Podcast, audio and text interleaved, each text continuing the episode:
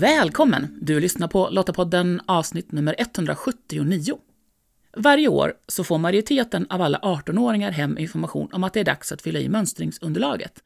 Och det i sin tur ligger till grund för vilka som kallas till mönstring. Näst på tur det är ungdomar födda 2006. Och vi vuxna som finns i ungdomarnas närhet, ja men vi har ju en viktig roll i att svara på frågor.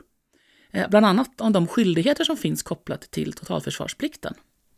I det här avsnittet hjälper Per Andersen Hellset från Plikt och prövningsverket oss att förstå den plikt som ligger till grund för mönstringsunderlaget och vad som händer från det att information om mönstringsunderlaget skickas ut till dess besked kommer om man kallas till mönstring eller inte. Lottapodden den är producerad av Svenska Lottakåren och vi är en frivillig försvarsorganisation som engagerar och utbildar kvinnor som vill göra skillnad i vardag, kris och krig för att säkra samhällets beredskap och totalförsvaret. Häng med in i samtalet med Per så får du kunskap om vad mönstringsunderlaget är, vem som får det och varför. Per, välkommen till Lottapodden. Tack så jättemycket. Vad roligt att vi får vara med. Lite kort då, så att eh, lyssnarna vet vem de lyssnar på. Vem är du? Jag heter då Per Andersen Hellset och jag jobbar som kommunikatör på Plikt och prövningsverket. Och vad gör Plikt och prövningsverket då? Ja, Plikt och prövningsverkets huvuduppdrag det är ju att kalla ungdomar till mönstring med stöd av lagen om totalförsvarsplikt och skriva in till grundutbildning med värnplikt. Sen så gör vi lite andra saker också. Tillsammans med Försvarsmakten så bemannar vi krigsorganisationen med både värnpliktig och anställd personal. Eh, och andra stora uppdrag vi gör det är prövningar till yrken och utbildningar med särskilda krav. Till exempel polisutbildningen och officersprogrammet. Just det, och det kanske man inte direkt tänker på när man hör Plikt och prövningsverket. Jag skulle tro att många förknippar det med Försvarsmakten. Det är nog många som förknippar oss just med ordet mönstring mm. i och med att där har vi ju vårt, vårt huvuduppdrag. Men du, det är ju snart dags för en ny kull ungdomar då att få mönstringsunderlaget. Det kommer att vara mycket nya ord tror jag för många som lyssnar. Men låt oss börja från början då. Alltså, vad är mönstringsunderlaget? Vem får det och varför? Mönstringsunderlaget det skickas ut till nästan alla ungdomar som är svenska medborgare och som fyller 18 under året. Och utav de här ungdomarna som är födda 2006 som står på tur att få svara på mönstringsunderlaget så är det närmare 110 000 ungdomar. Och får man det här mönstringsunderlaget hemskickat så är man också skyldig att besvara det. Det mönstringsunderlaget omfattar ett 40-tal frågor och, och, det man gör är en egenskattning. Och det handlar om, frågorna handlar om allt ifrån ens hälsa, ens fysik, ens skolgång och ens personlighet. Eh, man svarar på det här i månadsskiftet januari-februari och efter att man har fått inloggningsuppgifterna hemskickade till sig så har man två veckor på sig att svara. Sen så är det ju som så att utifrån de här svaren som man lämnar i mönstringsunderlaget så väljer vi sedan ut vilka vi ska kalla till mönstring. Eh, och i mars så kommer alla som har svarat på mönstringsunderlaget att antingen få ett besked om att man kommer kallas till mönstring eller ett beslut om att man inte kommer att kallas. Sen så börjar vi mönstra ungdomarna, eh, den årskullen 06orna, eh, i maj nästa år och så håller vi på till april året därpå. Just det, så det är en rätt lång process ändå tills alla är behandlade. Ja, det är en väldigt lång process. Eh, från det att man svarar på mönstringsunderlaget så kan det ju dröja faktiskt över ett år innan det är dags att, att inställa sig för mönstring. Men och anledningen att de får mönstringsunderlaget det är ju för att vi har värnplikt, eller hur?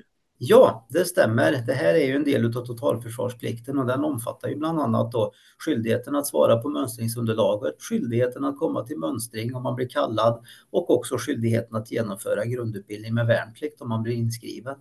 Och det där kan ju säkert vara nytt för väldigt många, det där att man faktiskt har skyldighet att svara på mönstringsunderlaget. Man kan inte bara ignorera och tycka så här, äh, jag skiter i det där, utan man ska ju faktiskt.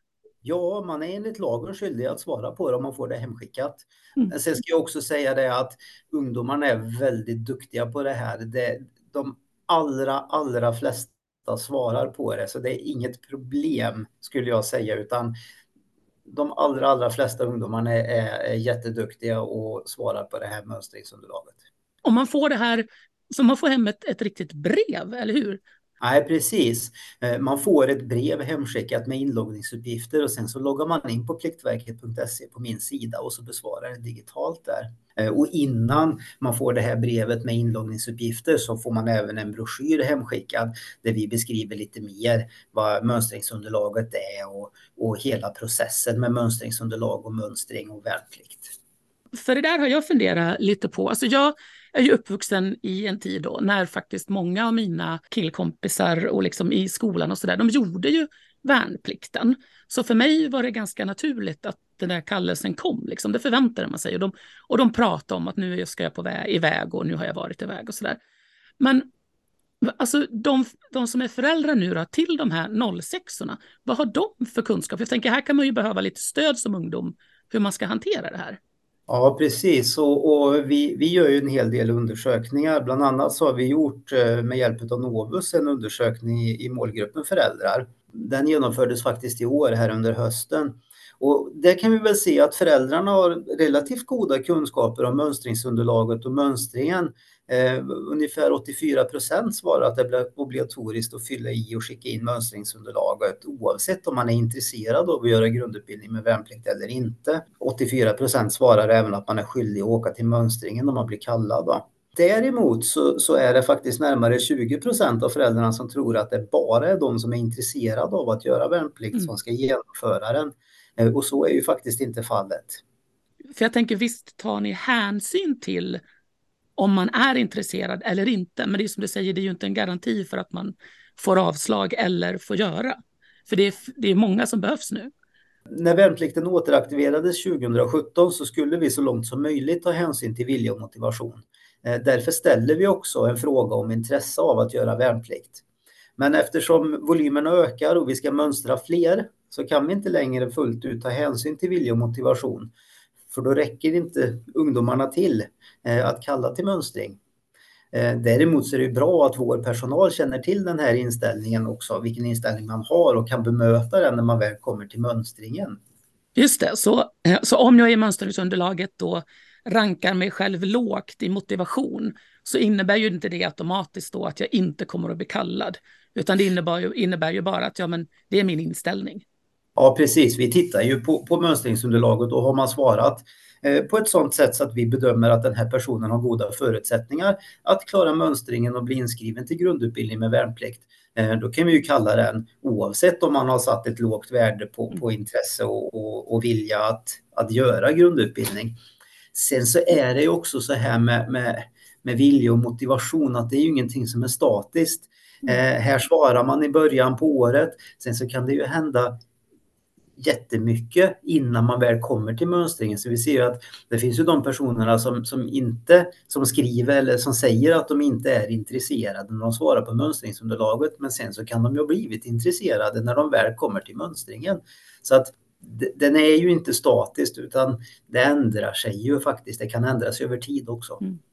Ja, men just då, jag tänker att det kanske också skulle kunna höra ihop med hur, hur mycket kunskap man har och vad man har för, för föreställningar om vad mönstring och värnplikt handlar om? Ja, det tror jag absolut att det kan göra. Och, och, och sen så jag, jag, tänker att för många är det väl också som så här att när man står inför ett, ett, ett fullbordat faktum att man, man kommer kallas till mönstring, man har fått det här beskedet att du ska kallas till mönstring, men då kanske man blir också lite mer intresserad, läser på lite mer vad det mm. innebär, pratar med, med kompisar och andra vuxna i ens närhet och, och ja, men tar reda på mm. lite mer vad det handlar om och det kan ju såklart också påverka. Och nu verkar det ju som sagt då i, i er eh, undersökning som att föräldrar ändå förstår att det här är någonting som kommer att landa in och det här måste min ungdom svara på. Men mm, finns det några andra tips där man, som man kan ge till föräldrar då? Eller, eller någon som har 06 i sin närhet? Alltså hur ska man, hur ska man prata om mönstringen? Ja, men det, det, är lite kul att du frågar det faktiskt för att eh, till det här året så har ju vi lanserat en, en ny kampanj Eh, Eh, som vi kallar för mönstringssnacket. Och den kommer vi köra i sociala medier och den riktar sig till personer i åldern 25 till 65 plus. Och det är ju för att både fånga in lärare, tränare, far och morföräldrar. Eh, och den här kampanjen den kompletterar vi med information på pliktverket.se där vi, där vi presenterar information om totalförsvarsplikten i stort, men också mer specifik information om vad både mönstringsunderlaget och mönstringen och, och grundutbildning med värnplikt innebär. Och tanken med det här det är ju då att vuxna i ungdomarnas närhet ska kunna vara ett bättre stöd och, och svara upp på frågor som ungdomarna har. Och förhoppningsvis så kanske det kan leda till goda samtal vid middagsbordet eller i andra sammanhang. Så att eh, här försöker vi göra en, en insats för att, för att man ska prata mer om det och på, på så sätt liksom kunna sprida kunskapen mer i samhället. Ja, men klok tanke. Det blir lite det här att det är inte det är inte bara föräldrarna som, eh, som, som liksom når ungdomarna, utan det krävs liksom hela samhället på något sätt, att vi, att vi är delaktiga allihopa i att hjälpas åt. Ja, men ju mer man pratar om någonting så att, så, så att det kommer upp och liksom blir en naturlig, naturliga diskussioner, desto bättre blir det ju för, för att ju fler, ju, ju, fler det är som hjälper till att sprida kunskapen någonting, det, desto, desto bättre blir det ju förhoppningsvis. Och sen så är det ju också, vill jag ju poängtera för individen, så är det ju väldigt viktigt att känna till vilka skyldigheter man har enligt lagen om totalförsvarsplikt. Och därför så gör ju vi också väldigt mycket insatser riktade just mot ungdomarna som ska svara på mönstringsunderlaget. Eh, vi har ju ett informationsuppdrag vår myndighetsinstruktion som säger att vi särskilt ska informera både inför att man ska svara på mönstringsunderlaget och inför mönstringen och det gör vi på flera olika sätt. Eh, jag nämnde ju tidigare att innan man svarar på mönstringsunderlaget så får man den här informationsbroschyren mm. hemskickad och den går ju då ut till över 100 000 ungdomar. Eh, och sen så gör vi också sedan flera år tillbaka har vi tagit fram någonting som vi kallar mönstringshandboken. Eh, och den skickas då hem till alla ungdomar som har fått besked om att de ska kallas till mönstring den beskriver mer detaljerat hur mönstringen går till. Eh, beskriver de olika momenten i mönstringen, ger tips på vad man ska ha med sig, hur man kan träna inför mönstringen, men också vad grundutbildning med värnplikt är och vilka förmåner och rättigheter man har där. Eh, och sen så får man även i boken stifta bekantskap med ett antal ungdomar som har gjort sin värnplikt. Ta del av deras tankar och upplevelser. Mm. Eh, och den kan man också läsa på vår hemsida så att även om man inte har nu blivit ut, utvald att mönstra och få den hemskickad så är den ju såklart man kan läsa den ändå. Jag tänker att det där är en viktig del i just att veta var, var hittar jag informationen och hur tar jag till mig kunskap så att jag kan ta ett informerat beslut när väl mönstringsunderlaget landar in. Ja, och sen så också att, att man kommer väl förberedd i sin mönstring för att det är ju som så att mönstringen den genomför man vid ett tillfälle och mm. det är ju viktigt att man presterar sitt bästa under mönstringen för det styr ju också vilken typ av utbildning man kan gå sen under grundutbildningen. Um, och där har vi också mött upp med instruktionsfilmer som berättar om de olika momenten för att man liksom ska kunna se det innan och förbereda sig och få lite tips på vad man ska tänka på så att, så att det inte kommer som någon överraskning när man väl när man väl kommer till mönstringen utan det finns väldigt mycket matnyttig information att titta på och ta del av innan så att, man, så att man verkligen kan vara så förberedd som, som bara möjligt när det väl är dags att inställa sig till oss för att mönstra. Du nämnde ju att, att värnplikten har ju varit vilande ett tag och 2017 så aktiverades den igen då med just plikten som grund. Så de som kallas till mönstring nu då, vad har de för kunskap och, och har de en vilja att göra värnplikten? Återigen så tycker jag att man ska slå fast det här att viljan att göra värnplikt är ju inte avgörande på något sätt utan man kan ju faktiskt bli kallad till mönstring även fast man, man själv inte vill. Men det vi kan se i de undersökningarna vi gör det är väl att ungefär hälften uppger att de är positivt inställda till att göra grundutbildning med värnplikt. Däremot så ser vi också att det är stor skillnad mellan kvinnor och män. 60 procent av männen uppger att de är positiva men ungefär 40 procent av kvinnorna. Däremot av de som kallas till mönstring så är det ungefär nästan 70 procent som uppger att de är positiva. Ja, men det låter ju väldigt positivt, tänker jag, också utifrån det här att vi eh, och politikerna också, samhället i stort, så pratar vi mer och mer om vikten av att ha en försvarsvilja. Och det, en del i det kan ju vara då att försvara Sverige med vapen i hand. Per, tack så jättemycket för att du var med och, och gav oss tips. Och så hoppas vi att både eh, vuxna men också ungdomarna nu då, tar till sig kunskap och eh, att de också ser fram emot, tänker jag, att mönstringsunderlaget kommer. Ja, men det hoppas vi och, och, som sagt det kommer ju skickas ut här nu i tiden som kommer och i månadsskiftet januari-februari är det ju dags att svara på det och sen så får man ju vänta någon månad där innan man då får besked om huruvida man kommer kallas till mönstring eller inte. Jag hoppas att du efter att ha lyssnat på Per känner dig bättre rustad för att ta mönstringssnacket med ungdomar som finns i din närhet. Genom att göra det så hjälper du till att öka kunskapen om att vårt totalförsvar är en angelägenhet för oss alla. Du behöver inte ha kunskap om alla detaljer, utan det viktiga är att lyfta ämnet och hjälpa till att visa på var det går att hitta information. Och lästips relaterat till det vi samtalat om i det här avsnittet, ja men det hittar du på lottapodden.se. Om du, precis som Svenska Lottakåren, tycker att fred, demokrati och mänskliga rättigheter är värda att försvara och du vill vara med och göra skillnad för vårt samhälles beredskap och totalförsvar, ja, men då ska du gå till svenskalottakåren.se. Där hittar du information om hur just du kan göra skillnad. Nu tar Lottapodden några veckors ledighet över helgerna och är tillbaka igen i januari. Och om du inte redan gjort det, ja, men klicka på prenumerera-knappen i den app du lyssnar på Lottapodden i, så missar du inte när nästa avsnitt släpps.